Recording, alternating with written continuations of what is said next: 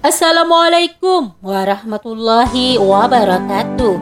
Hai sahabat narasi pos di mana pun Anda berada Jumpa kembali dengan saya Mimi Mutmaina. Seperti biasa saya akan menemani ruang dengar Anda Dalam rubrik Syiar.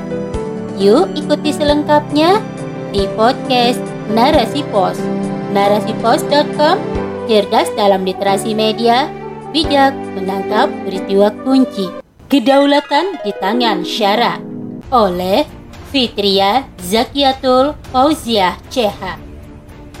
Di atas kertas, umat Islam adalah umat terbesar di dunia dengan total 1,7 miliar pemeluknya. Namun, dalam konstelasi internasional, umat Islam dan negeri-negeri kaum muslim tidak berpengaruh dan berdaya. Dalam pemerintahan yang menganut sistem demokrasi, rakyat adalah pemegang kedaulatan. Kedaulatan rakyat berarti kehendak berada di tangan rakyat. Aktualisasi dari kebebasan berkehendak adalah kebijakan untuk membuat hukum dengan orientasi merealisasikan kehendaknya. Oleh karena itu, dengan adanya kedaulatan di tangan rakyat, maka segala perkara akan diserahkan kepadanya baik penentuan halal dan haram, serta aturan yang hendak ditetapkan dalam pembuatan undang-undang dasar dan undang-undang. Semuanya berdasarkan kehendak rakyat. Rakyat pula yang dapat mengubah aspek-aspek di dalamnya, seperti ekonomi, politik, budaya, sosial, dan lain-lain. Merujuk pada pernyataan Syekh Taqiyuddin An-Nabahani bahwa kedaulatan berada di tangan syarak dan bukan di tangan umat. Beliau berpendapat bahwa kata asiasah yang bermakna kedaulatan sebenarnya adalah istilah barat. Sedangkan yang dimaksud dengan kata asiasah yang sesungguhnya adalah mereka yang mengurusi, memaris, dan melaksanakan musayyi, kehendak atau suatu aspirasi atau iradah tertentu Syekh Taqiyuddin An-Nabahani juga berpandangan bahwa jika ada seseorang yang menangani dan mengawal aspirasinya, maka sebenarnya kedaulatan itu ada di tangannya sendiri. Apabila keinginan orang itu berada di tangan dan disetir oleh orang lain, maka pada dasarnya orang tersebut telah menjadi abdun, hamba bagi orang lain. Sekiranya aspirasi umat atau sekelompok orang diurus dan dikendalikan oleh orang itu sendiri dengan perantaraan individu dari kelompok tersebut, maka umat akan memberikan kepada mereka hak untuk mengendalikannya secara sukarela. Mereka, individu masyarakat adalah syed, tuan untuk umat. Namun, jika aspirasi rakyat dikawal oleh orang lain dengan terpaksa, maka rakyat telah menjadi pengikut mereka atau jajahan. Mengamati realitas ini, menurut Syekh Taqiyuddin An-Nabahani, sistem demokrasi dengan kedaulatan berada di tangan rakyat bermaksud bahwa rakyat menangani dan mengawal aspirasi mereka sendiri.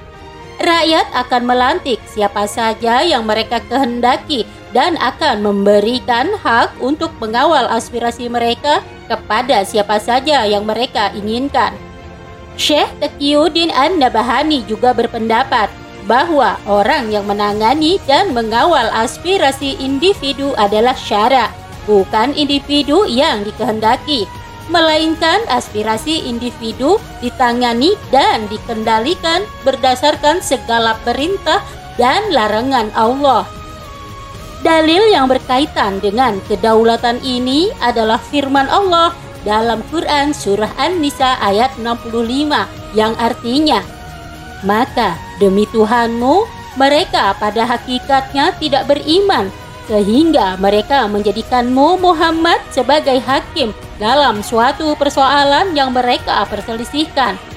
Kemudian tidak ada rasa keberatan dalam hati mereka terhadap keputusan yang kamu berikan dan mereka menerimanya dengan sepenuhnya.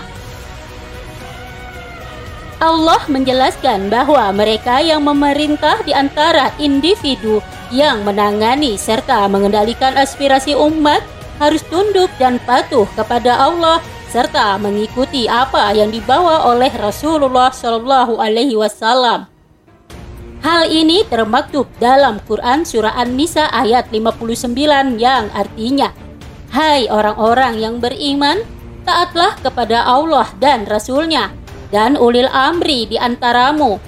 Kemudian jika kamu memiliki pendapat yang berbeda terkait dengan sesuatu, maka kembalikanlah kepada Al-Quran dan As-Sunnah jika kamu beriman kepada Allah dan hari kemudian. Allah tidak pernah memerintahkan umat untuk taat kepada pemimpin yang tidak menerapkan syariat Islam secara keseluruhan. Hal ini menunjukkan bahwa mewujudkan pemerintahan Islam adalah suatu kewajiban.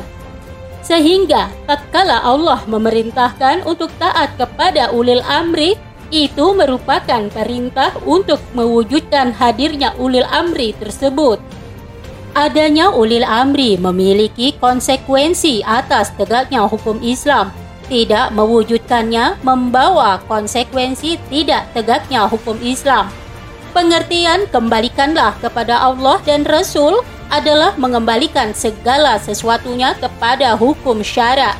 Dari hujah-hujah ini, Syekh Taqiyuddin An-Nabahani menjelaskan bahwa mereka yang memerintah di tengah-tengah umat dan individu yang menangani serta mengendalikan aspirasi umat harus selaras dengan apa yang dibawa oleh Rasulullah Shallallahu Alaihi Wasallam. Umat dan individu tersebut harus tunduk dan patuh kepada syarat.